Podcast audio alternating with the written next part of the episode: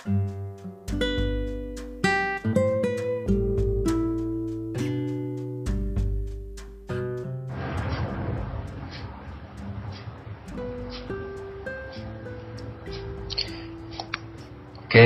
uh, kita mulai lagi malam ini untuk melakukan podcast. Kali ini kembali lagi ke topik bola. Dulu kita sudah melakukan podcast dengan tifosi Juventus, ya kan? Kemudian tifosi sesama tifosi Milan juga sudah. Nah, sekarang ini yang lagi hangat ini yaitu terkait Milan kebetulan Milan lagi hangat ketika baru aja melawan Inter di Italia yang cukup kontroversial. Nah ini di sini ada sudah ada salah satu tifosi Inter ya yang biasa disebut Internisti. Sini sudah hadir Mas Hari. Gimana Mas kabarnya Mas? Halo, alhamdulillah sehat.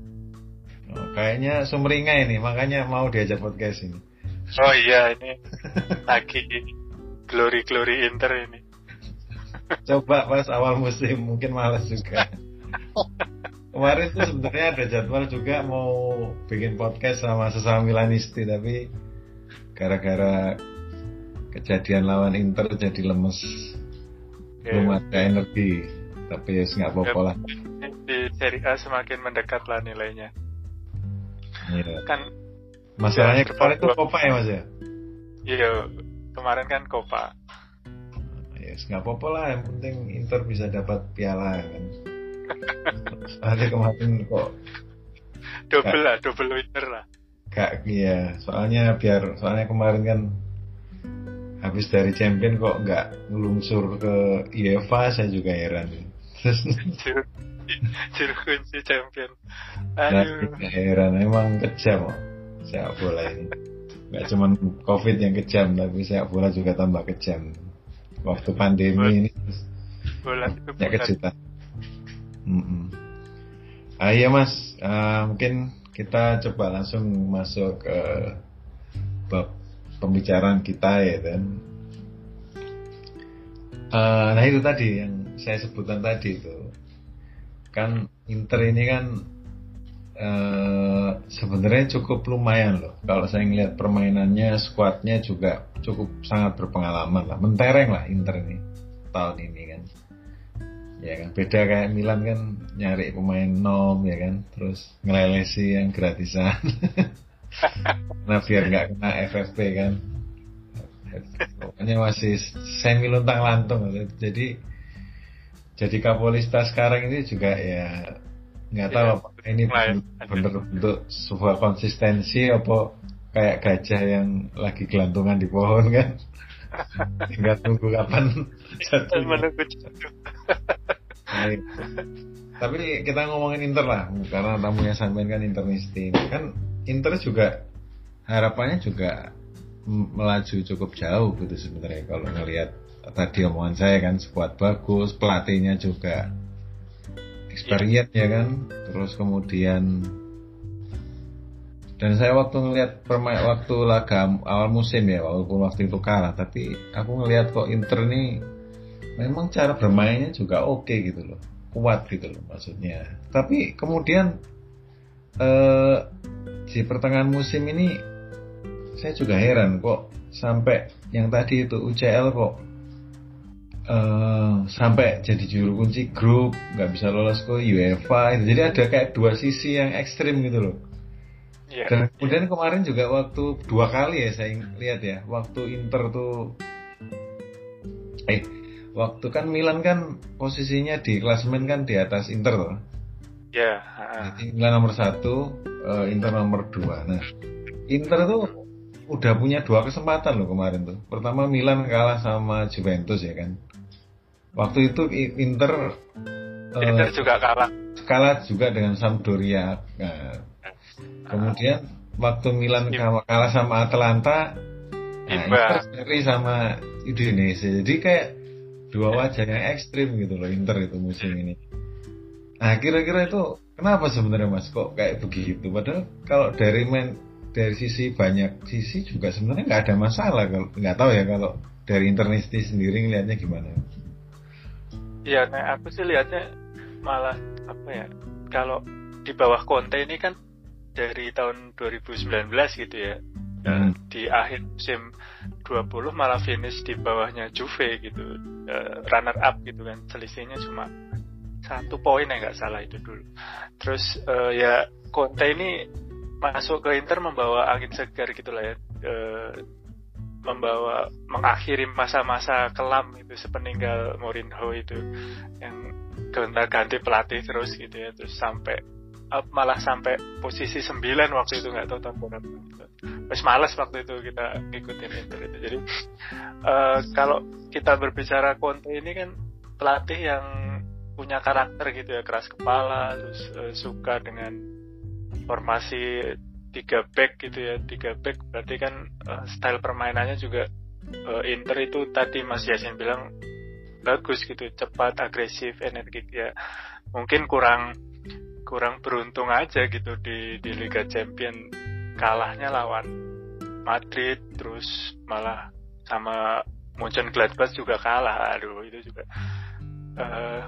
nggak uh, tahu ya jadi Interisti juga kayaknya sih faktor faktor luck aja gitu ya. Jadi harapannya ya sekarang cuma tinggal di kompetisi domestik aja gitu. Uh, kalau kalau feeling kita sih uh, kalau Conte ini masih ingin melatih Inter ya harus juara Serie A gitu di di musim ini gitu sih.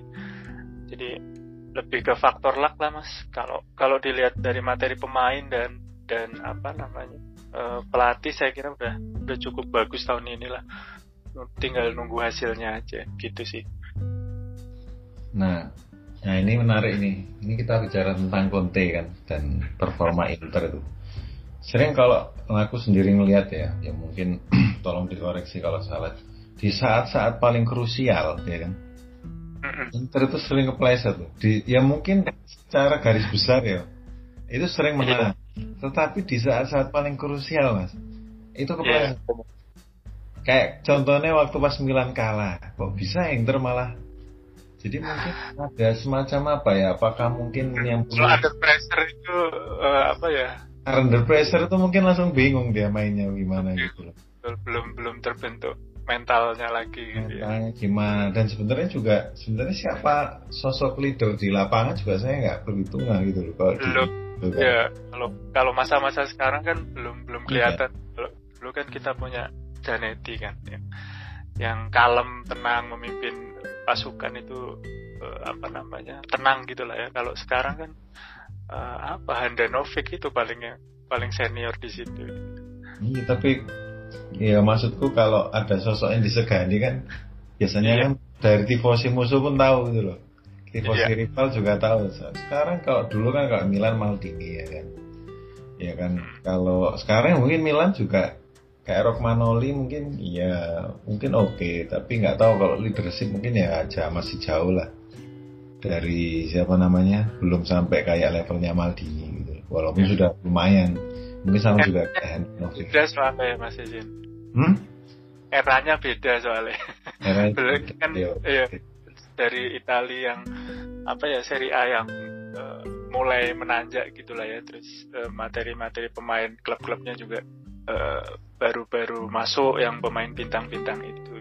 Jadi mungkin di Inter sendiri juga belum punya sosok yang apa namanya yang disegani gitulah ya yang yeah. yang yang kayak kapten yang benar-benar sip gitu loh belum ada itu iya karena kan begini jadi uh, ya itu lagi kan mungkin dari sisi Conte juga jarang loh aku itu ngelihat Inter tuh punya pelatih yang model kayak Conte gitu loh. Biasanya yeah. pelatih kayak Conte itu jatuhnya ke tim kayak Juventus ya kan. Ya, determinasi gitu kan. Kan itu kan. Uh, kan. Ya mungkin dulu ada Mourinho tapi kan Mourinho mungkin mungkin kurang lebih sama tapi ber, agak beda lah gitu kan beda karakter kalau mau beda karakter sebenarnya hmm. dan ya itu tadi mungkin uh, kalau pelatih itu kan di pinggir lapangan nih mas ya, ketika anu segala macam tapi kan memang harus ada orang seperti seorang kapten di lapangan yang deliver gitu loh sebenarnya yeah. mau kayak gimana gimana yang orang didengerin gitu kan Nah, iya. mungkin salah satu yang harus dipikirin Inter ke depan itu ya harus ada sosok yang disegani di lapangan yang bisa jaga itu timnya itu kayak gimana gitu. Bawa timnya itu kan. Ya kayak dulu mungkin Maldini, Zanetti atau Roy Keane ya kan. Kapten-kapten yang ya. istilahnya Patrick Vieira dulu zaman di apa Arsenal ya kan. Yang disegani lawan. Ya disegani lawan Ya Inter memang belum ada karena memang siklusnya memang klub-klub Italia kalau aku perhatikan memang sekarang lagi uh, apa namanya dari bawah naik ke atas gitu ya. Jadi uh, ya mungkin beberapa tahun ke depan baru kelihatan tuh uh, apa namanya sosok-sosok yang potensial jadi leader di lapangan itu sih kita lihat. Iya, ya sih, jadi uh, itu memang perlu di, dipikirkan gitu loh. Sebenarnya sayang gitu loh. Inter tuh sebenarnya sekarang udah bagus, cara mainnya udah bagus. Cuman ya itu tadi entah kenapa kok di momen-momen paling krusial kok jadi kepleset gitu di final UEFA juga kan. Iya, yeah, musuhnya musuhnya ya namanya Sevilla kan Mister UEFA kan. Udah lima atau enam kali gitu kayak hobi, UEFA. hobi banget juara UEFA kan. Sekelas Liverpool pun gajar gitu kan. Yeah, yeah. waktu awal-awal klub nah itu kayaknya menjadi PR ya mas. Jadi nggak cuma butuh pelatih yang yang brilian juga. harus ada sosok leader di lapangan gitu kan. Dan kalau melihat Inter Milan sih mau dari sisi squad sih saya ngelihat nggak ada nggak begitu ada masalah gitu. Orang yang kayak Erikson aja. Ya walaupun kemarin diragukan kan. Tapi ya Christian ya? Kemarin kan gol kemenangan lawan Milan kan Erikson gitu kan. Ya betul. Tapi kalau ya, lihat ya. Beruntung juga lah mas itu Erik. Tapi tendangan bebas juga out juga.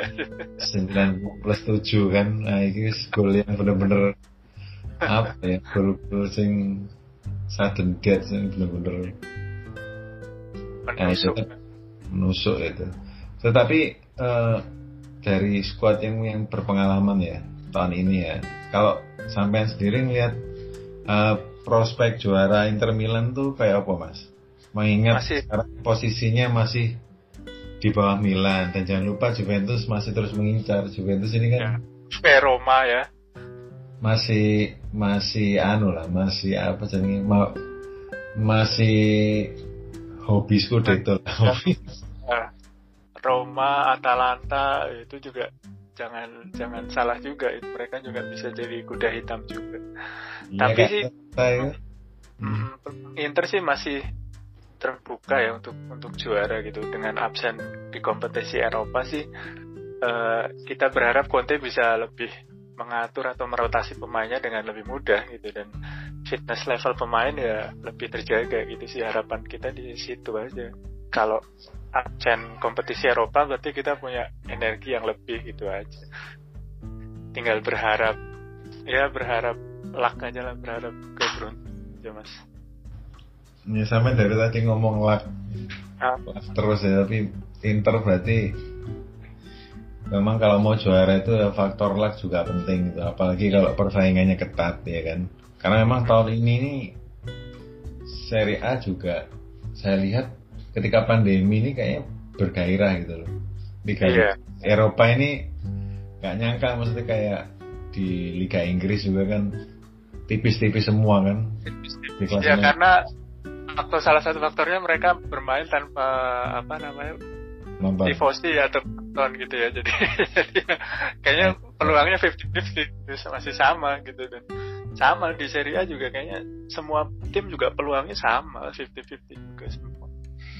Makanya kayak Milan, Milan itu kan sampai lama banget nggak kalah itu kan. Ya mungkin yeah. padahal sini pemain muda kan ya mungkin pertama racikannya tepat ya kan terus momentumnya tepat ya kan. Terus ketiga ya mungkin ya, faktor penonton mungkin karena nggak ada penonton pressernya nggak begitu tinggi kan? Iya benar. Udah tinggal siapa yang larinya paling kuat. Ya ala main di kandang lawan aja sama nggak ada penontonnya juga. Ya udah berarti tinggal ini aja strategi strategi aja gimana lah. Ya, iya. Kayak main MU sama Liverpool kan ya bantai kandang sendiri kan. Awal musim 61 lawan Spurs kan Iya. Sama lah, apa 72 Terakhir lawan apa Sheffield Dua kalah. Nah, iya. Iya. Sheffield itu buruk juru kunci loh. Aku kira ya, ah, aku tuh main FPL Bruno Fernandes jadi kapten kurang ajar. Cuma dapat dua, aku ngeblank ya. Tapi ya gitulah, kalau nggak begitu nggak menarik sepak bola itu kan. ya, betul, betul. Nah terus aku kalau ingat-ingat lagi itu kan, ya aku kan mulai ngikut- ngikuti Liga Italia itu kan tahun 90-an mas, 90-an akhir ya kan. Ya mungkin 90-an awal sudah lihat lah kayak Ruth Gullit ya. Tapi mungkin nggak terlalu konsen lah. Ketika medio 90-an itu ketika zaman-zaman apa ya? Ya itulah medio 90-an akhir 90-an itu udah mulai getol tuh. Lihat Champion League ya kan, lihat Serie A tiap malam, weekend. Nah itu, nah itu si- Nah ya kan kalau sampai melihat kan Liga Italia waktu itu kan bener-bener yang apa ya? Mungkin kayak Liga Inggris sekarang lah, Magnificent Seven kan. Ada tujuh Betul. kandidat juara terus kayak pusatnya sepak bola dunia di situ, glamor gitu. Ya. Ya walaupun aku bukan tifosi Inter tapi ngelihat waktu itu masih Morati doyan beli pemain ya nyeneng loh gitu. Iya, iya. Pemain bagus ya kan. di Serie A semua gitu. Tiap musim ini mesti ada pemain bagus datang loh. Jadi nyeneng loh lihat berita transfer itu kan. entah ke Milan, entah ke Inter ya kan. Terutama dua klub ini lah, Eh, Lazio mungkin ya. Kalau Juventus, Juventus itu kalau dulu sih habitnya dia nggak nggak terlalu jor-joran beli pemain yang mahal sih. Inter sama Milan ini loh, yang yang sewenang gitu kan. Nah terus, nah itu tadi balik lagi ke omongan sampean di awal tadi bahwa sekarang ser kan Serie A kan melewati masa-masa kekelaman kan. Pak semenjak apa namanya Calciopoli ya. Wa- walaupun waktu itu Milan sempat juara champion kemudian Inter ya terakhir ya. Juara Inter champion treble, itu. Nah setelah itu wis mulai nggak jelas itu mulai ombang ambing ya kan. Terus Juventus ya terlalu lama mendominasi ya kan. Akhirnya kan monoton liganya kan. Tapi Iya. akhir-akhir ini udah mulai much better lah nah. Kalau menurut sampean tuh perbandingannya dengan yang tadi saya bandingkan awal eh, 90-an eh sorry akhir 90-an awal 2000-an tuh Serie A itu kayak apa mas perbandingannya dengan sekarang gitu Iya, aku ngikuti Serie A itu dari 97 itu lah ya, mulai mulai getol itu. Jadi tifosinya Inter itu. Nah, itu memang di Ronaldo tahun tadi Iya, Ronaldo. Terus eh, jelas ya tahun 2000 itu 2000-an lah ya itu golden age Serie A gitu. Tadi Mas Yasin bilang ada tujuh klub gitu ya yang berpeluang juara dalam satu musim luar biasa. Tapi kan setelah itu ya tadi masalah keuangan, terus Calciopoli kan eh, yang yang besar kan yang kena Juve, Milan, Fiorentina sama Lazio itu kan empat empat yang kena paling besar itu Calciopolinya. Inter bahkan dapat hadiah Scudetto dari Juve tahun dan itu 6 ya nggak salah. nama pada dan itu masih nggak diterima sama tifosi Juve sampai saat ini ya. ya. Jadi nah, aku lihat ini siklus siklus apa ya liga di Italia itu memang harus harus decline dulu ya kalau decline itu kan berarti mereka nggak punya uang klub-klub di Italia bahkan sampai kalau kita ingat Cannavaro Turam itu sampai pindah loh ke ke luar Serie A gitu luar biasa itu. Sampai Serie A itu diabaikan pemain-pemain terbaik dunia gitu. Dan puncaknya di 2010 ya Piala Dunia itu Italia benar-benar hancur yang yang juru kunci gitu di Piala Dunia. Luar biasa gitu. Dan setelah itu eh, malah pemain-pemain bintangnya itu pindah kan ya ke Bundesliga yang yang kita lihat tuh malah Bundesliga yang bersinar gitu dapat dapat juara champion terus gitu ya. Nah dari situ eh, kalau sudah menurun kan berarti klub-klub nggak punya uang. Nah nggak punya uang berarti klub-klub ngapain? Berarti mereka harus developing talent gitu kan. Jadi mereka harus eh, karena kepergian para bintang gitu ya. Jadi mereka nggak ada uang berarti mereka udah prospek pemain muda gitu ya, di seluruh klub Italia gitu. Terus dari situ kan semakin banyak anak muda dapat squad ya di, di timnas Italia itu. itu kita bisa lihat di Euro 2000 berapa? 2012 itu Italia udah sampai final tuh cuman kalah ke dari jadi uh, ini udah udah masa-masanya udah menggembirakan nih bagi Italia jadi bahwa bahwa pembibitan atau developing talent dari pemain-pemain muda ini sudah mulai terbentuk.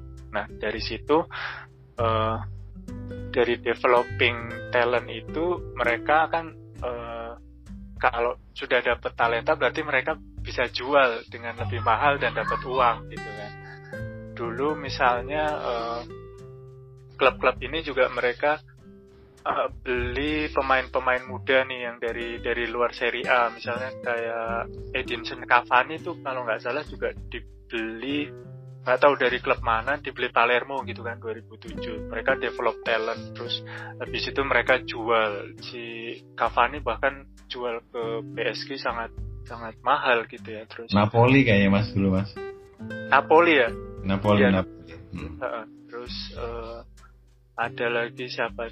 Balotelli dijual ke City gitu kan. Nah, itu dari momen itu klub-klub itu dapat uang kan dapat uang baru kelihatannya sekarang mereka sudah sudah mulai beli-beli pemain-pemain yang bintang itu tadi gitu. Jadi ada ada uang berarti ini ada tanda-tanda kebangkitan gitu ya. Jadi ya apa namanya?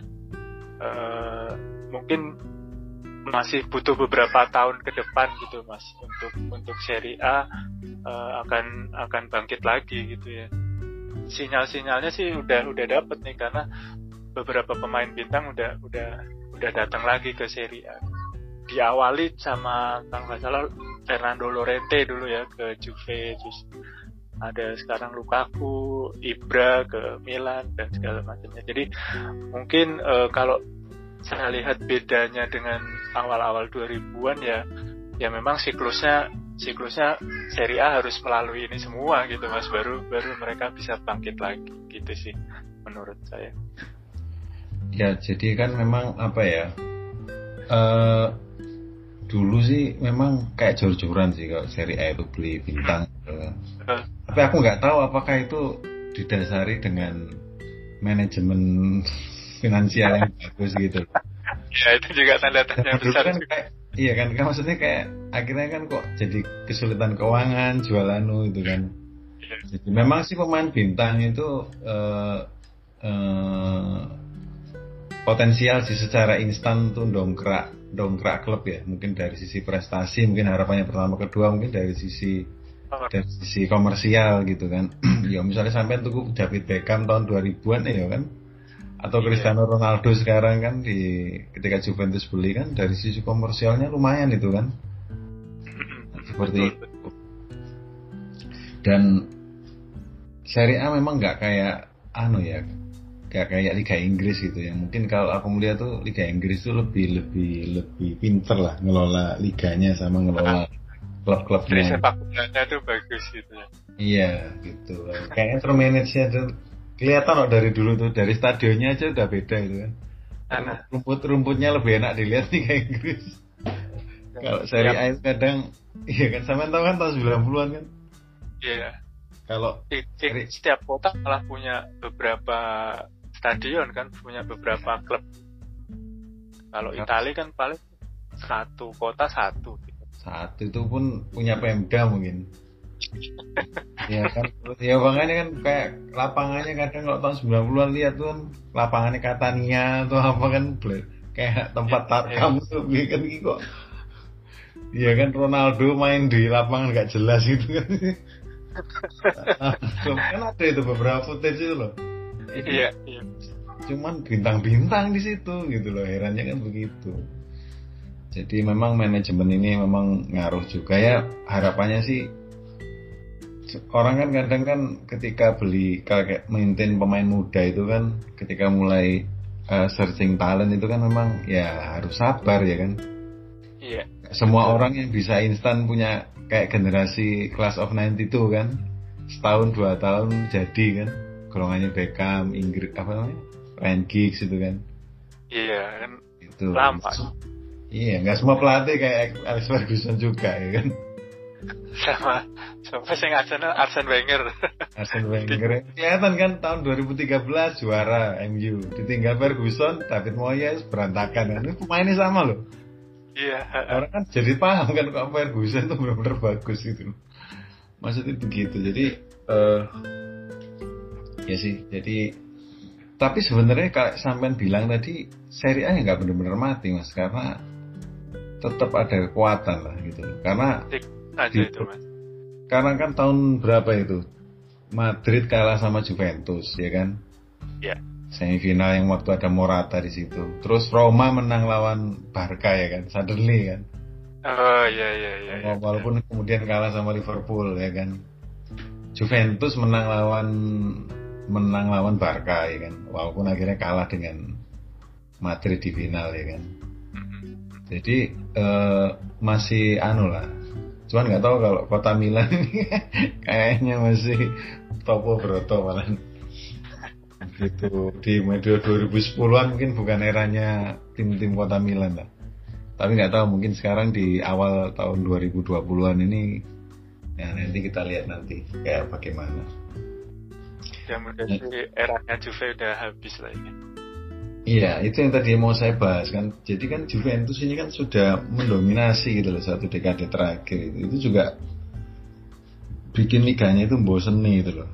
Saya Iya, pernah ngobrol sama temen saya seorang pasti Juve kan. Juve ini mendominasi terus yang ini ini. Terus bilangnya ya karena dia tifosi ya bukan ya masa salahnya Juve kayak gitu. Dari 2000 Piro, 11 ya mas kan Iya. Inter 2010 terus sempat Milan ya habis Iya. itu kan baru Juve Juve Juve Juve terus sampai, Eh, sampai iya. sekarang aduh males itu ngikutin Serie A Juve kan agak beda mas karena mungkin manajemennya juga bagus. Dia punya sta- stadion sendiri kan. iya Jadi itu pembedaannya itu jauh itu. Jadi kalau punya stadion sendiri kan ya eh finansialnya lebih agak terdongkrak begitu loh kan. Jadi nggak nggak perlu sharing profit sama Pemda kan untuk bagaimana kalau Milan ini satu kota dua ya Satu dua dua sih. Nah, iya. tapi luar biasa Milan ini Inter sama Milan ini bisa juara banyak kan. Iya, iya. Jadi keuangannya ya marketingnya berarti dulu lumayan gitu. 18 kali sama-sama 18 kali 18 kali. di total punyanya Juventus itu ti- 36 ya Juventus iya, paruan sama itu. Juventus, tapi Juventus ya mungkin nggak ada yang sempurna. Juventus di Eropa melempem. Inter tiga kali, Milan tujuh kali. Iya. Ya, ini kan orang jadi kan biasanya kan kalau kayak di Jerman itu kan, itu kan juara liga terbanyak Bayern Munchen. Dia juga megang Champion, ya. terbanyak itu Iya. enam kali. Di Liga Inggris ya juga ada ya mungkin Liverpool lah ya. Liverpool tapi bukan bukan terbanyak mungkin selisih selisih satu aja kan sama MU kan. Tapi dia kan Ya. pemilih Iya. Domestik juga kuat juga mereka kuat ya kan tapi, tapi di Champions League juga kuat yang aneh kan di Itali yang paling banyak domestik kok jadi melempem di Eropa kan. Walaupun walaupun ketika di final sudah beberapa kali sering kali. Nah ini lah. Ya finalis kayaknya Juve paling sering. Nah iya. Tapi kok kenapa setiap di final nih kayak anu kayak basement aja kan? Jadi kan mengantarkan pengantinnya. Mengantarkan basement ya itu makanya kayak Inter ini juga harus mulai berpikir gitu loh. Jangan pas di momen-momen krusial itu kan kok malah kepleset itu. Iya. perlu apa ya? Maksudnya sekelas Juve aja bisa kayak gitu bertahun-tahun nih. Mungkin kan karena udah trauma kan ke bawah terus ke mentalitasnya klub gitu kan. Waduh ini final Champions League ya kan. Dredek lah duduk gitu. Jadi ada kayak beban masa lalu kan. Lagi kalah terus final dulu kan. Iya, iya, iya. Ya itulah ya mungkin faktor luck juga nah Mm. ya kalau sampai lihat Inter di musim ini ini keunggulannya apa mas dibanding tim lain gitu Kalau Inter sih kekuatannya pasti kekuatan finansial ya. Sejak dari Morati. Sekarang Sa Suning, Suning ya. Suning ya. apa? Ya, wacana apa sih Suning paling Suning Group. Sejak Morati terus uh, dibeli konsorsium Cina gitu kan, terus dibeli Pak Erick Thohir sampai sekarang. Suning Group itu ya mungkin keunggulannya Inter ya itu finansial itu finansial klub sama yeah. nggak pernah degradasi itu paling kalau kita apa namanya ngomong sama tifosi yang lain paling itu keunggulan Inter. Yang penting uh, finansialnya itu sih mas kalau saya lihat Inter itu Inter lumayan loh yang dibeli walaupun nggak glamor kayak pemainnya Barcelona, Bayern Munchen atau Madrid tapi termasuk menengah ke atas lah kualitasnya pemainnya itu kan. Yang sudah punya experience ya kan yang sudah punya prestasi ya kan. Ya kayak Arturo Vidal gitu kan. Masuk ke timnas masing-masing gitu sih kebanyakan itunya pemain-pemainnya. Ya. Romelu Lukaku ya kan. Maksudnya dan aku ngelihat waktu lawan Milan tuh bener-bener yang apa ya? Jarang aku lihat determinasi itu terut terutama ya. Ngototnya ngotot ngotot betul. Dan uh, tapi Suning tuh Chinese ya mas ya? Mas. Uh, dari ya dari Cina lah gitu. pemiliknya. Grup gitulah jadi ya muka-muka lah. Sebenarnya PR-nya PR-nya Inter itu nggak banyak aku lihat. Cuman yang PR yang ada itu malah krusial gitu. Itu yang harus dipikirkan. Bagaimana kok jangan sampai kayak Juventus yang tiap apa namanya tiap final UCL kepleset ya kan? Milan nih eh Inter ini ketika saat-saat bisa menang kok nggak menang gitu kan? Memang mental yang menang gitu kan? Ya, uh, waktu Calciopoli itu kan Inter Inter Inter terus kan di bawah asuhannya Mancini itu kan. Mungkin karena uh, Juve sama Milan waktu itu lagi terkena skandal itu. Jadi mungkin dia apa namanya udah nggak minder lagi gitu. Nah itu mungkin yang yang sekarang masih jadi PR-nya Inter gitu jadi mental itu. Minder yeah. ketemu klub-klub besar gitu. Iya. Yeah. memang anu sih puzzle-nya itu memang harus diselesaikan sebenarnya apa ini missingnya itu. Iya. Eranya Conte ini. Champion gitu. Segrup sama Munchen Gladbach gitu sama Shakhtar Donetsk aja susah banget menang gitu. Imbang, imbang, imbang. Eh, Kayaknya faktor mental itu mas. Kalau iya makanya. Kalau teknis aku rasa enggak kok. Mental aja gimana itu. Conte PR-nya masih masih lumayan itu. Terus ini kan Juventus kan sudah mendom, merajalela ya, mendominasi mau satu dekade. Tapi bisa jadi tahun ini bisa aja terakhir karena kan di dua nomor satu dan dua kan dua Milan.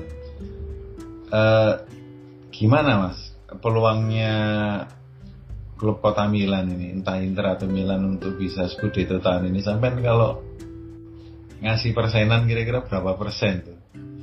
Ya harus harus diakhiri oleh Inter atau Milan gitu mas. Mau nggak? Maksudnya berapa persen kira-kira kalau klub dari kota Milan ini bisa juara gitu peluangnya 60 40 lah. Sampai masih anu ya? Masih bimbang gitu. masih, masih takut sama Juve. Ya gimana? Juve udah happy juara ya? Iya mentalnya teruji ibaratnya orang tuh kayak nyetir dari rumah sampai kantor itu udah biasa wis. Kayak udah repot kan juara itu. Udah tahu tuh udah nyampe kantor tuh ini. Nggak nggak dirasain gitu tiba-tiba juara. Tinggal anu dan dan menurutku sih kedatangan Ronaldo itu juga kayak yang ada ada manfaatnya ya kan. Ronaldo kan doyan nyetak rekor ya kan cuman kalau aku ngeliat Juve sih kurang dampaknya sih kurang apa ya nggak seperti yang kita ekspektasi gitu loh. Karena kan harapannya kan pasti Champion League kan. Ronaldo yeah. Champion League kan. Kalau cuma juara Serie A mah Juve mah nggak nggak usah pakai Ronaldo aja bisa kan sebenarnya. iya gitu. Tapi nggak tahu eh, ada juga satu anu sih satu peluang di situ mas jadi ketika Ronaldo kalau aku melihat ya ketika Juve bermain dengan Ronaldo itu kayak timnya itu di dibentuk supaya memfasilitasi Ronaldo gitu ya memang kayak gitu kan jadi kalau Ronaldo di marking gitu ya ya udah gitu buntu gitu nggak bisa Iya. ngapa-ngapa misalnya Ronaldo-nya bisa agak tempe gitu udah bingung. Apalagi di Iya. era Pirlo ini kan pelatih anyar tuh ya kan. Yang kulihatnya masih agak agak stabil gitu loh, ya kan. Dia mau kemarin kan Nah. kan sama Inter itu Juve 2-0 iya, menang sama Milan terus kalah sama Inter ya kan. Tapi tapi Inter juga begitu. Menang sama Juve, kalah sama Sampdoria, menang sama Milan, seri sama Udinese. oh. Gitu lah. Ah, iya iya iya Tapi sih menurutku sih peluangnya cukup besar. Karena apa Iya. ya? Aku melihat faktor Ronaldo itu bisa jadi kelemahan sekali, eh kekuatan sekaligus kelemahannya Juve. Iya. Karena dari dulu itu Juve itu nggak dominan, nggak punya pemain yang dominan banget, ngerti nggak mas? iya iya iya Nah, ya ya, sejak Piero itu ya Del Piero pun bukan sosok yang anu ya, bukan sosok yang Benar. Dominan menurutku dia fasilitator juga gitu. Ya nanti kita lihat ya. Kalau aku melihat sih kalau sampai bilang 60 nah aku mungkin di angka cukup 70. optimis, lah, 70 lah, 70 80. Ya, Karena aku melihat Tapi- dari sisi pelatihnya belum stabil iya. Juve ini, aku gak yakin gitu. tapi memang harus diakhiri gitu kalau nggak Inter ya Milan gitu. Iya, itu 9 tahun loh, Rek. Itu itu anak tuh mulai kelas 1 SD jadi tifosinya Milan tuh misalnya atau Inter dari kelas 1 SD sampai dia mau lulus SMA Juve toh aja. Bayangin, iya kan? Sembilan musim sampai, Eh. sampai masih jomblo itu. Iya kan? sampai sekarang sekarang punya anak berapa tahun. Oke, Mas, kita stop dulu bahas Juve lah. Juve ini eh, ada anu sendiri. Nah ini sekarang kita bandingin masalah Inter sama Milan ini. Eh, kalau sampai melihat nih, Inter dan Milan kan sudah bertemu dua kali kan. Satu di Serie A musim ini ya. Dan satu kalah satu menang satu kalah satu menang skornya kurang skornya sama lah sampai dan posisinya juga sama nomor satu sama dua nah gimana sampai ngelihat perbandingan kedua tim? Kalau sampai ngelihat Milan sekarang gitu kan dibandingin dengan Inter sekarang.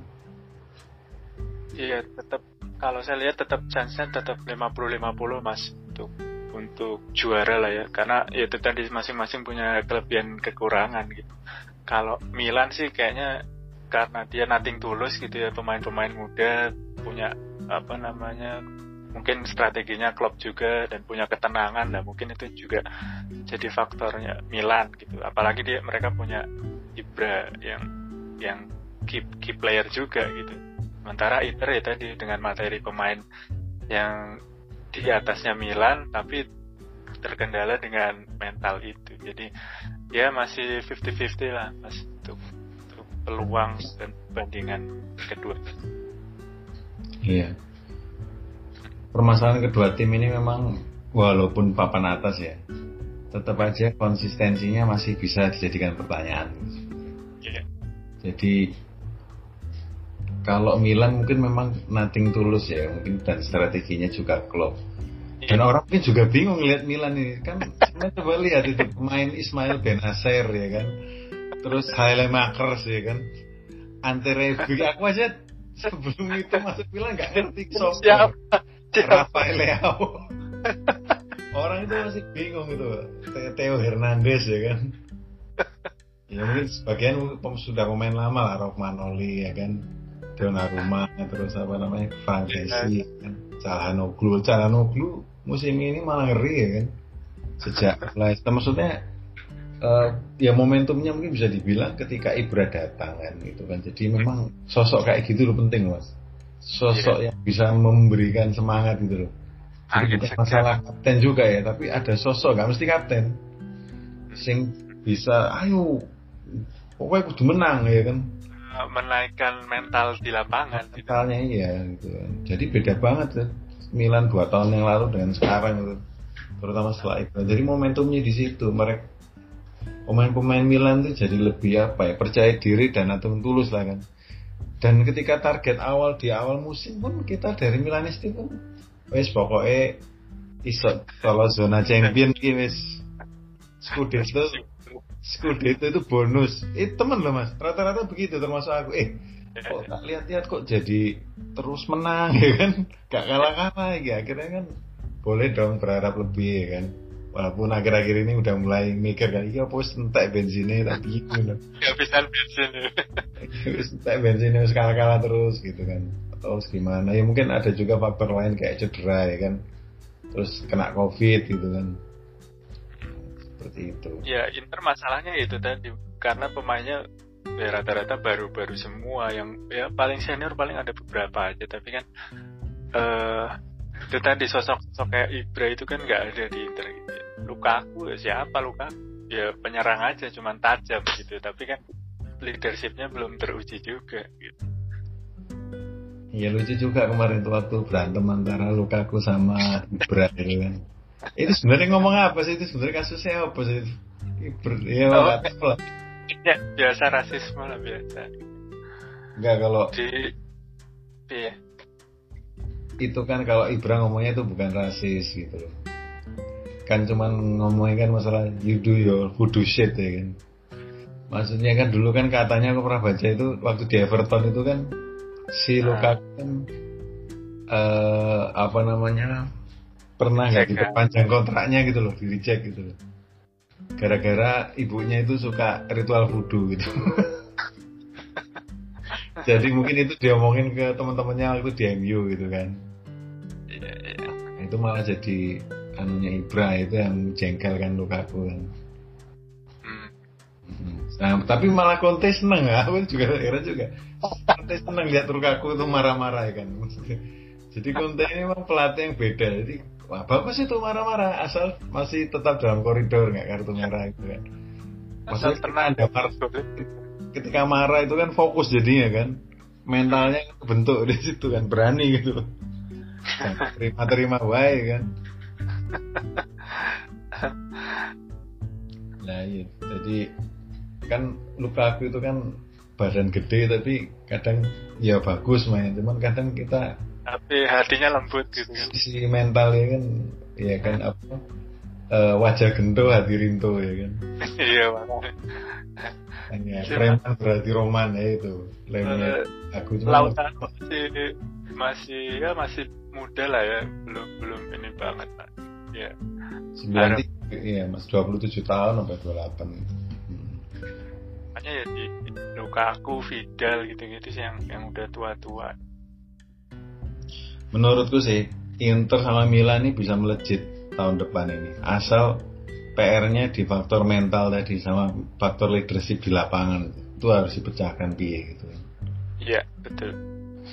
Beda karakter, Inter sih kelebihannya seperti tadi sampai banyak duit ya kan. Kalau Milan kan enggak. Kalau Milan ini benar-benar pure uh, nyari power of itu tadi scouting itu loh. Cari pemain sing murah. power of scouting. Kalau Maldini kan cari pemain sing murah. Mungkin yang agak aku kenal ya pemain Milan yang beli yang aku agak kenal tuh ya Sandro Tonali aja mas kan namanya udah terkenal tuh sebelumnya kan Tonali itu kan lumayan lah. Sandro Tonali iya iya. Tapi kalau Saile Makers Ante Rebic Rafael Leao iki sopo Ismail Benasir Hernandez iki sopo kabeh iki ini aku tuh sempat khawatir masuk di era-eranya dulu apa Michael Essien Sule Muntari dulu dari Gak jelas kafe aku mari males dulu lagi Balotelli juga Misalkan Balotelli gabung Milan ya waktu itu. Ya, ya. Tapi cuma melengkapi keruwetan aja. Siapa ngomong ini. Iya, ya moga-moga lah uh, paling enggak 50-50 lah perbandingannya lah. Ada kelebihan kekurangan. Ada kelebihannya sih. Kalau Conte juga kan modelnya berapi-api ya kan. Tapi yeah. di sisi Pioli itu lebih lebih kalem lah, lebih kayak memberikan trust kepada bisa membenahi mentalnya pemainnya lah ya kan. Ya iyalah sampai empat berapa kali puluhan kali main gak menang ini kan berarti kan ada faktor mental di situ yang dibenahi kan. Yeah, yeah. Walaupun saya guys mulai ketok kentean bensin ya kan kan. ya semoga lah. Komentar saya mas. Komentar sampean terkait kejadian kemarin ini bisa nih mas. Aku sebenarnya gak pikir dong itu. Itu ya, kan gara pelanggaran ya luka aku ya dilanggar Rokmanoli mungkin awalnya ya, iya. Ya mungkin Inter butuh momen-momen kayak gitu itu loh mas yang membangkitkan mental mereka gitu di di pertandingan-pertandingan gitu. Karena uh, sosok Ibra nggak ada kan terus jadi uh, Inter di atas angin nah baru mereka bisa bisa apa namanya mentalnya kuat lagi gitu-gitu sih mas paling pinter itu. Iya. Tapi nggak setiap hari loh pemain kunci lawan tuh kartu merah itu harus dipikir. Iya. Makanya ini kan jadi kelihatan ya kalau misalnya seru kan misalnya di di Milan ada Ibra mungkin di Inter ada Lukaku yang udah punya leadership kan jadi kayak zamannya Kate sama Viera kan gelut tapi pun ketemu tuh Iya. Sampean ngerti gak kawan Roy Keane itu? Roy Keane tuh kalau dibilang itu kalau udah lawan Arsenal ya, itu dia itu istilahnya apa ya kasarannya jihad visabilillah itu. Jadi rela mati di lapangan itu gak ngurus wis. Makanya kan saya kan ketika dia ngelihat ngelihat pemain Arsenal lawan MU guya guyu di apa jadi di lorong ini janela apa sih? Ya, wong bukan mental mental. saling salaman ki ngopo kowe? Iki ya kan? Lah zaman Roy kan ngarep Vieira misu-misu kan? Itu tadi uh, mereka punya karakter yang kuat ya, di di masing-masing tim itu jadi di lapangan ya rame aja gitu kalau lihat. Iya. Oh ini kita masih ngomongin pertandingan kemarin yang barusan mas. Itu kan pembeda kan Erikson menjadi pembeda yeah. kemarin. Erikson ini pemain yang hebat loh waktu di Tottenham. Di Tottenham. Ya, Tapi Mbak Sampen juga ngefans Tottenham kan ya pas kan. Iya. Uh -uh. Nah terus entah kenapa kok jadi agak melempem gitu, terutama di eranya Mourinho ini kan. Apa sebelum itu sudah sudah kurang anu mas perform atau pas eranya Mourinho aja? Karena kulihat uh, era Mourinho aja nggak dipakai sama si Mourinho itu karena Mourinho lebih apa si Ndombele itu untuk pengatur serangannya. Iya, jadi Dele Ali pun sudah mulai kehilangan. dipakai, ha, betul. Uh -uh. Jadi Mourinho kalau aku cari kuliah itu dari dulu mesti nyari yang kuat mas, ngerti gak? Iya. Harus sudah secara fisik kuat Michael Essien, John Obi Mikel, Claude Makilele Lampard. Dulu Inter itu ada Goran Pandev. Itu kan kayak skillnya sih biasa-biasa aja tapi dipakai terus sama Mourinho itu yang yang ya. dia cari itu gitu gitulah ya Gomota dulu ah, ah betul Manise ah Mourinho tuh ya apa sendiri gitulah punya pandangan sendiri sama itu pemain-pemain yang yang nggak terkenal tapi dia tetap mainkan terus gitu kita juga ya oke okay lah kita ngikut aja. Nah kalau Erikson ini kayaknya uh, ya memang di Conte juga nggak nggak begitu masuk kali ya di formasinya Conte. Karena Conte juga lebih ke Brozovic sekarang itunya uh, pengatur serangannya. Jadi bola-bola itu di apa dioper ke Brozovic nanti Brozovic yang akan ngatur serangannya. Gitu sih kalau kalau saya lihat di Inter seperti ya soalnya kan apa ya Conte ini kan bekas gelandang bertahan kan sing yeah. modelnya kayak begitu gitu loh jadi apa karakternya udah begitu jadi biasa ngotot gitu loh jadi dia kan hobi pasti cari pemain tuh yang hmm. ngotot gitu loh sama kayak Mourinho itu kan kenapa dia yeah. suka pemain tengah sing fisiknya kuat gitu kan karena tetap mungkin terakhir itu yang terpenting salah satu yang terpenting itu ya fisik dan stamina itu loh. Mungkin nomor dua baru kreativitas itu. Iya betul. Oh, pokoknya kudu ngejar bal lah. Ojo males-males gitu lah. Dan pikir Cuma cepat. skill bagus tapi stamina nya melempem ya sama aja bohong. Dan, dan males ngejar bal kan. Hmm. Makanya dia suka banget sama Harry Kane kan. Harry Kane itu striker tapi bisa jauh. Bisa, turun belakang ya luar biasa loh itu. Nah, Cuman akhirnya gara-gara itu cedera, cedera, cedera. Kesel. Orang kesel juga ngeliat Harry Kane kan. Yang lihat aja kesel apalagi yang yang main gitu. Ya gua Alcantara sampai tackle kayak begitu yang wow. Wis, nggak tahu berapa akun dua Harry Kane ya. Cek tas tak beli di MPL. Langsung cedera. Katanya dua ankle dua-duanya yang gendeng kok. Aduh, susah nih bersaing. Saya mas balik ke Erikson tadi kan. Nah, memang dia ngegolin kemarin kan, tendangan bebas gitu kan. Tapi menurut sampean kan, apakah akan tetap dapat tempat apa enggak Erikson itu? Menurut sampean siapa aja sih kandidat yang kuat gitu loh untuk meninggalkan Inter gitu? loh? Iya, Erikson Katanya. yang pasti mungkin di transfer di Januari ini Erikson yang pergi kayaknya nggak tahu. Kemarin sih sempat ada opsi untuk balik lagi ke Tottenham itu itu yang pertama sih yang yang Erikson itu yang paling penting gitu. karena itu tadi mungkin di di bawah Conte itu Erikson main cuma main di selain liga domestik gitu. Cuma di Serie A eh, di Coppa Italia di Champion tapi Coppa Italia biasanya Conte nggak pakai Erikson eh Erikson siapa lagi ya? Oh iya sih, itu kan katanya Papu Gomez itu ya Atlanta mau masuk ke Inter itu kayaknya ditukar dengan beberapa pemain Inter gitu. Mungkin Ranocchia atau Gagliardini. Itu Menurut sih. saya back. Hmm, hmm, back.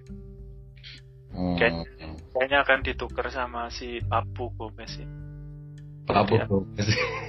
Kemarin gosipnya sempat mau ke Milan, tapi Milan nggak tertarik lah. Iya, nggak tahu ini kan kok. kaptennya kapten Atalanta tuh. Iya. Iya. Conte kok pengen banget ini sama Gomez. Ya mungkin perlu warna warna warna baru kali. Tapi Atalanta ini oke loh mas. Iya. Secara taktik ini lumayan loh. Kapan hari sampai ngerti yang lawan Liverpool itu? Itu Liverpool bisa nggak ada shot on goal loh. Nggak ada shot on goal. Kenceng ini. Maksudnya itu kan kalau nggak ada shot, padahal Liverpool kan sama coba lihat kalau Liverpool main. Shot on goal mesti wae walaupun kalah, ya kan? Trisula itu maut deh. Liverpool. Iya, terus tengahnya kan pekerja keras semua itu. Nggak ada playmaker, tapi ya Iya.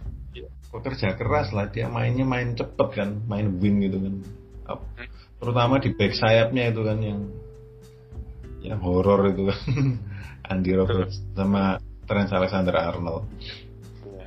Nah, iya, tapi itu bisa diana sama Atalanta mas. Nggak ada shot on goal. Atalanta, iya, Itu iya. kan berarti kan mastery of strategi kan di situ kan berperan. kan kemarin kayaknya sampai semifinal ya mas. Eh, champion ya? Iya. Kalah sama PSG. Lali aku. Iya Iya. kayaknya semifinal kalah sama PSG. Lumayan. ya. Lumayan. Nah, oke. Ya, berarti itu tadi ya mas ya. Kira-kira mungkin kayak Erikson tuh bisa jadi dalam masuk kotak nanti walaupun kemarin. Ah, masuk kota lah itu. Ya kemarin beruntung aja lah itu. Ngegolin pas injury time, injury time tujuh. lagi. Terus Eh. ya. Nah, sekarang kita balik ke pemain yang kok pasti tinggal ya. Nomor satu pasti Romelu Lukaku kan yang golnya paling banyak itu kan. Nah dia ini kayaknya kan udah mulai jadi ikon di Inter gitu loh. Iya. Ya, orangnya tinggi, kuat, naluri mencetak gol yang tinggi ya kan. Walaupun mungkin masih banyak PR ya kan. First touch, first touch-nya kan terkenal kurang sip kan. Mm-mm. Nah, tapi oke lah dia kan paling enggak finishingnya oke gitu kan. Itu kan golnya banyak banget itu. Iya. oh masih seumur gitu banyak golnya itu nah sama gimana mas kira-kira apakah Lukaku ini bisa jadi ikon Inter di masa mendatang karena kalau dari sisi gol tuh udah nyamain perolehannya Ronaldo loh hampir ya di musim-musim awal Inter itu kira-kira dia akan di Inter yang waktu yang lama nggak? Iya kalau Lukaku itu kan eh, kontrak lima tahun ya. Eh, kayaknya sih akan lama mas kalau kita lihat permainannya dia di bawah Conte. Tapi tergantung lagi kalau kalau Conte bertahan misalnya dia juara Serie A tahun ini bertahan ya mungkin Lukaku akan tetap uh, tetap main gitu ya. Tapi nggak tahu kalau kalau Conte akhirnya dipecat gitu terus ganti pelatih lagi kan biasanya akan selera atau pelatih kan iya beda-beda lagi gitu. Tapi uh, kita lihatlah nanti di akhir musim apakah Inter juara atau enggak dan itu mungkin akan berpengaruh ke ke Conte dan bisa ngerempet ke Lukaku juga. Duet Lula ini kan Lukaku Lautaro ya maut ya. Lautaro Lautaro katanya kapan hari mau ke itu ke Barca nggak tahu lagi Barca mau bangkrut gitu. Kan pusing dia ngurusi stadion gaji pemain selangit ya kan. Ada Messi lagi aduh. Aduh aduh. Tapi iya sih aku ngeliat Lautaro itu juga Nicola Barella itu juga keren loh mas. Pemainnya Inter aku ngeliat Dewi gila ini. Lautaro itu juga ngotot kenceng kan lari. Kalau si Lukaku itu emang bener-bener manfaatin badannya gede gitu. Gede iya. Full body contact. Yang kuat nerima bal itu udah udah pasang body dulu dia kan. Cara bermainnya kayak gitu gitu loh. Iya iya. Aku rasa investasi lumayan lah ya Lukaku ya kayak Kier lah. Zaman malah dulu kayak Christian Vieri lah itu model iya badan gede atos melayu banter finishing Iya. real, kiri kanan sundulan Kieri lah. Iya betul. Kieri pun dulu kan lama kan di Inter kan. Nah, ini tadi ngomong eh, apa namanya eh, pandemi tadi. Kita ngomong Barcelona ada berita mau bangkrut Real Madrid juga kan karena utang numpuk kan. Karena berbahaya namanya pandemi pasti perlu pasti banyak berkurang lah orang di stadion aja udah nggak ada penonton ya kan seperti itu kan. iya Eh, nah, sampean kalau melihat ini di tengah pandemi pandemi ini kan semua klub punya permasalahan masing-masing. Nah, kalau dari sisi Inter sendiri gimana kira-kira Inter melihat tantangan ini di masa mendatang tuh? Kira-kira apakah Conte akan tetap jadi pelatih atau mungkin diperlukan pemain baru atau mau jual pemain baru tukar tambah untuk nambah kekuatan Inter biar lebih jos walaupun di tengah pandemi? Menurut sampean kayak apa mas?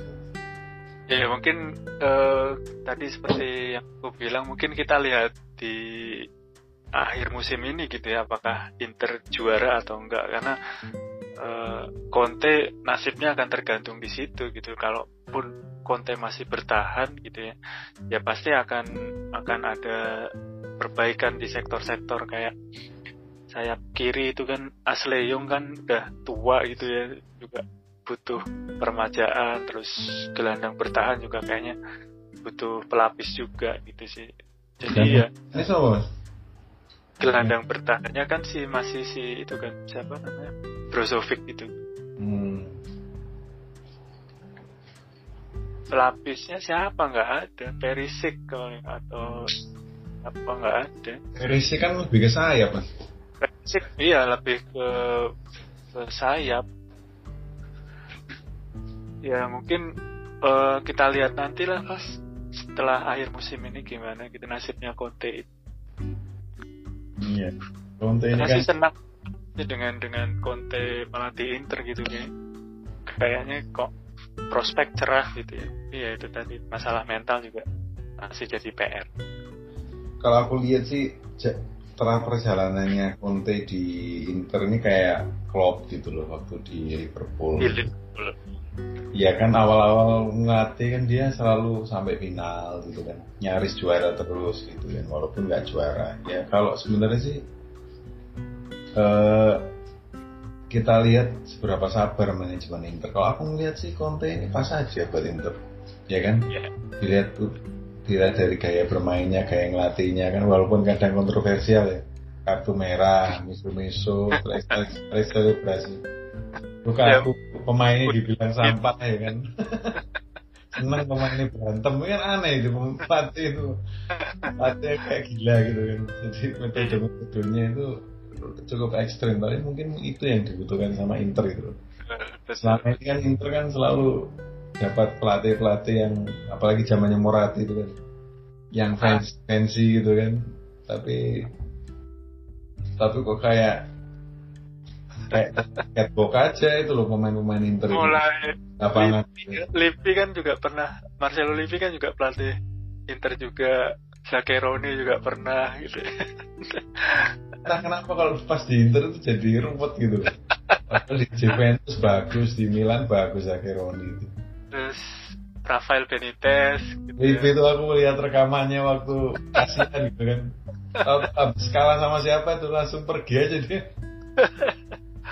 Ya, Claudio Ranieri kan juga pernah ngelatih Inter eh, bagus-bagus lah karena kekuatan finansial tadi gitu tapi ya ya itu tadi mungkin ah ada sesuatu mental ya ada semacam mentalitas yang belum iya. hilang gitu yang perlu dibudayakan gitu loh. Budayanya itu loh Inter itu mungkin. Kayak Arsenal Arsenal kan awal musim kan kemarin itu kan ya sudah jelek tuh budayanya itu. Jadi main bola itu kayak mungkin maaf maaf mungkin kayak misalnya kayak masuk kerja biasa gitu loh. Jadi nggak ada tuntutan ya kayak PNS gitu masuk kerja terus anu pulang ya santai ketawa ketawa gitu. Habis bantai di bis ya masih ketawa ketawa gitu.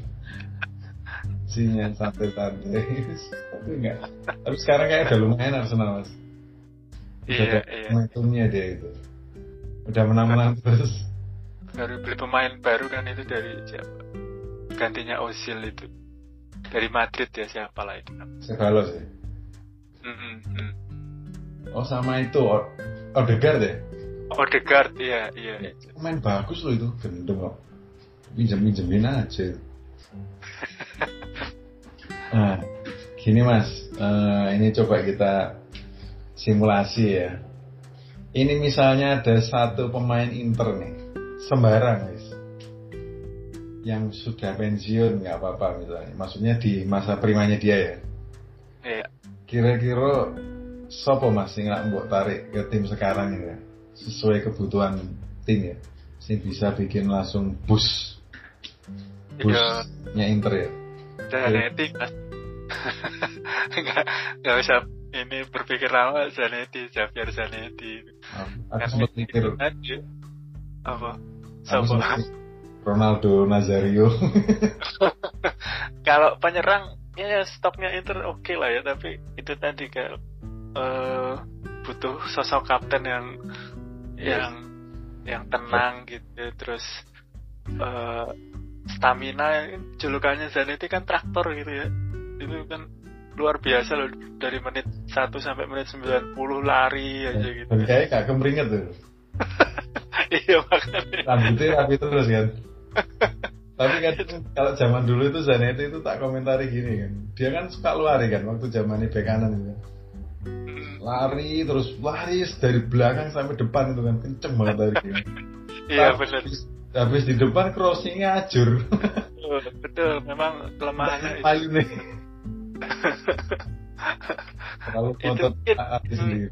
Dibutuhkan Inter itulah mas yang kayak gitu-gitu ya. Bisa main back dan sayap gitu kan. Apalagi Conte kan juga mainnya gelandangnya lima gitu kan. Bisa masuk di gelandang lima itu. Kayaknya melapis si Ashley Young juga bagus juga itu. Iya sih, di gelandang gelandang kanannya kan Inter siapa si Hakimi itu kan Hakimi juga baru-baru. Hakimi itu bagus loh mas, jangan salah. Hmm. Di Dortmund ngeri loh.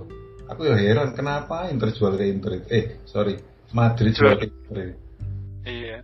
Madrid itu koleksi anak muda wonderkidnya banyak banget loh. Tapi nggak bisa dimanfaatkan. Iya. Coba sampai itu sampai sampai main CM saya itu kayak itu juga yang di Milan kan Madrid mas si siapa itu namanya? Brahim Diaz itu. Oh iya iya, iya. Edgar Madrid Sebalos Madrid Kubo Madrid Vinicius Madrid Rodrigo Madrid. Iya iya. Theo Hernandez Madrid. Iya iya betul. Muda-muda Valverde muda-muda. Cuman kok Zidane kok doyane cross saya Modric ya api sih. Cuman terus aku heran sampai saya sampai Odegaard ini dipinjemin Arsenal ya heran. Iya iya. Ya itu sih paling mas yang yang yang dibutuhkan itu Zanetti itulah. Terus juga sepanjang karirnya itu Zanetti cuma dapat dua kartu merah loh itu luar biasa itu. Kalem gitu ya sosoknya kalem tenang. Cocok lah jadi kapten lah itu ya memang kapten terus kapten legendaris Inter sampai umur 40 main nih gila. Juara champion umur 37 sama kayak hampir sama kayak siapa namanya? Maldini. Maldini kan 38 juara 38 39 lupa tahun 2007 itu kan dia umur umur 38 ya benar Yesus aku dulu, aku dulu lihat Zanetti Maldini umur 40 ini main bola ngumon mas. Aku baru tahu Kazuhiro Miura itu 55 tahun masih main bola di jelik loh. Maksudnya di main di liga kayak liga utama gitu ya. Iya iya. Seumuran 55 ini kalau berarti dia kelahiran 65 ya mas ya? Iya. Nah, berarti lu tuwek timbang Mardini lu.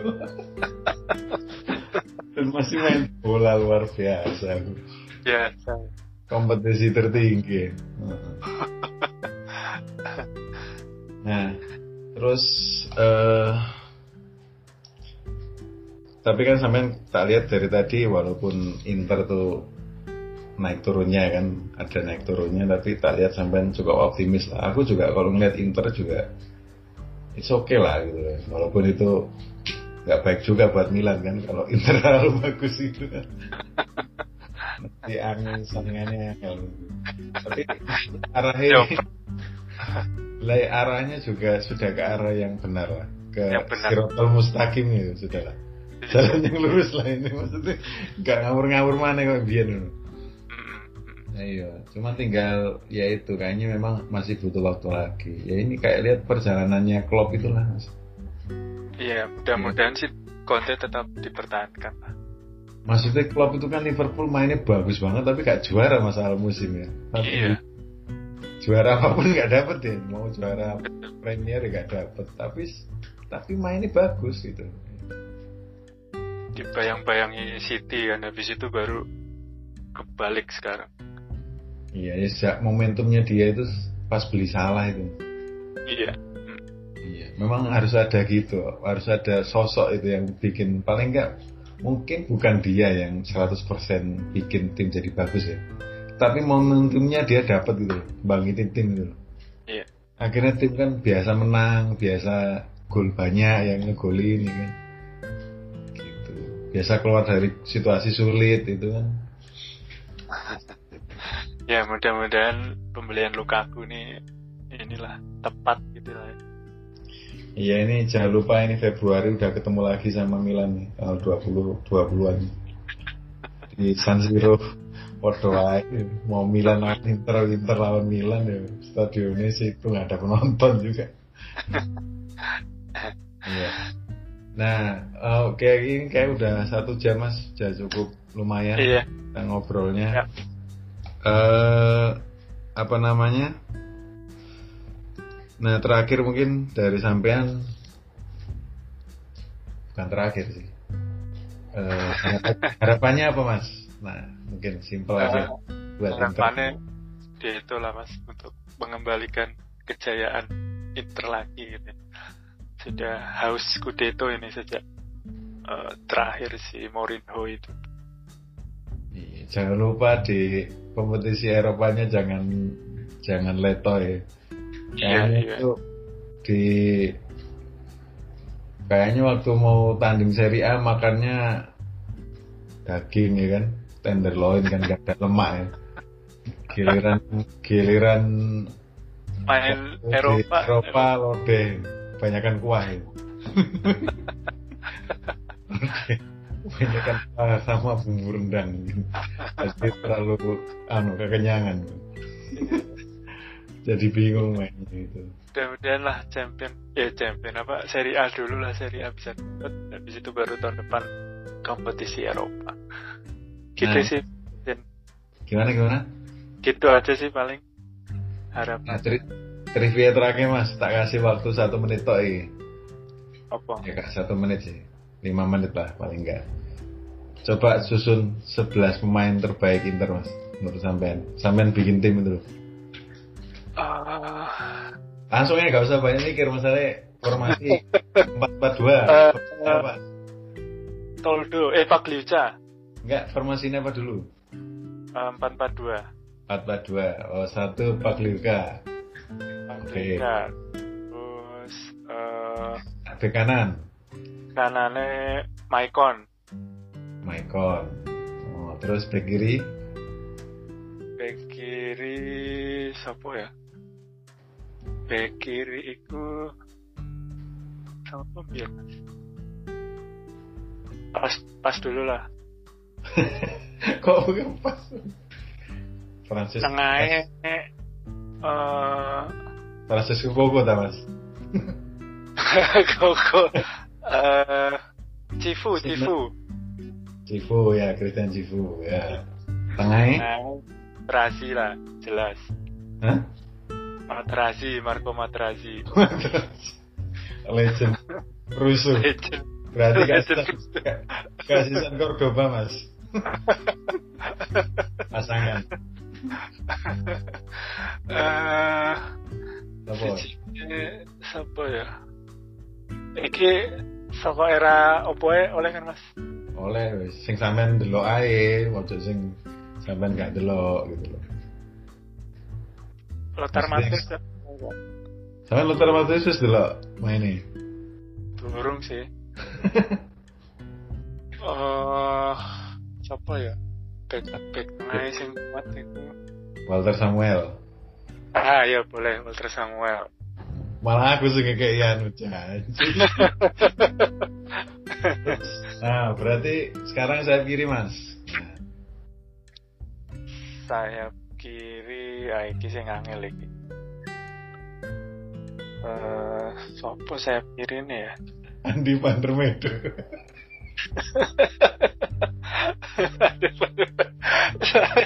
Jarang-jarang ya. apa iku eh jenenge Alvaro Recoba ta Rekoba. Striker. Rekoba striker sih, anu sih. Konseso itu pernah di itu nggak Siapa siapa? Sergio Konseso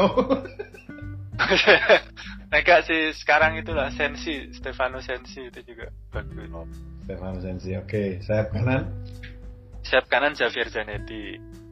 oh jadi sayap kanan ya mas ya? bukan bek kanan ya Uh, bek kanannya kan mau wes kan si Maicon gitu.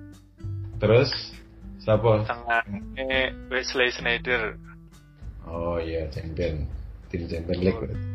Ini terus di sini Di sini siapa ya? Gelandang bertahan itu hmm, gampang lah sini gua cuman sampai naik lali kakean mas, ake mas. kakek sing mlebu metu soalnya Inter iki Iya makanya. gak gak gak gak ngingoni pemain ini gak suwi-suwi iya makanya. Esteban Cambiaso ngono lho apa Biasa, iya kan biasa boleh. wah piye iki Internisti kok kudu Milanisti sing Oke, Esteban Cambiaso dan apa Wesley Sneijder ya. Wesley Sneijder. Ngarepe aku bingung. Ngarepe saking akeh pemain mas. Ronaldo karo uh, Fieri lah. Fieri ya? Dan Bubu Fieri iya sih. Lah versi gue ya. Nah boleh lah. Milanisti mencoba untuk membuat 442 ya ya itu mau. Francisco Toldo kalau aku mas. Wih. Tapi ah. kok kaget gaya ya? Kan terlalu terlalu flamboyan kan? Kok eh kok ini lagi proyek ini gini nah terus ke kanan ini Zafir Zaniti. Kiri ini Christian Sifu tengah ini ya tengah ini Walter Samuel. Terus uh, Lucio ya gak tau mas ya Lucio ya jarang-jarang juga sih. Kayak biasa-biasa aja kan nggak aneh ya. Berarti ya situ sama Bek tengah ini matra masuk matra sih gak nyeneng loh efek tengah Inter kan dia nih. Matra sih tak Cordoba kan iya. Ya wis Lucio wis gak apa lah.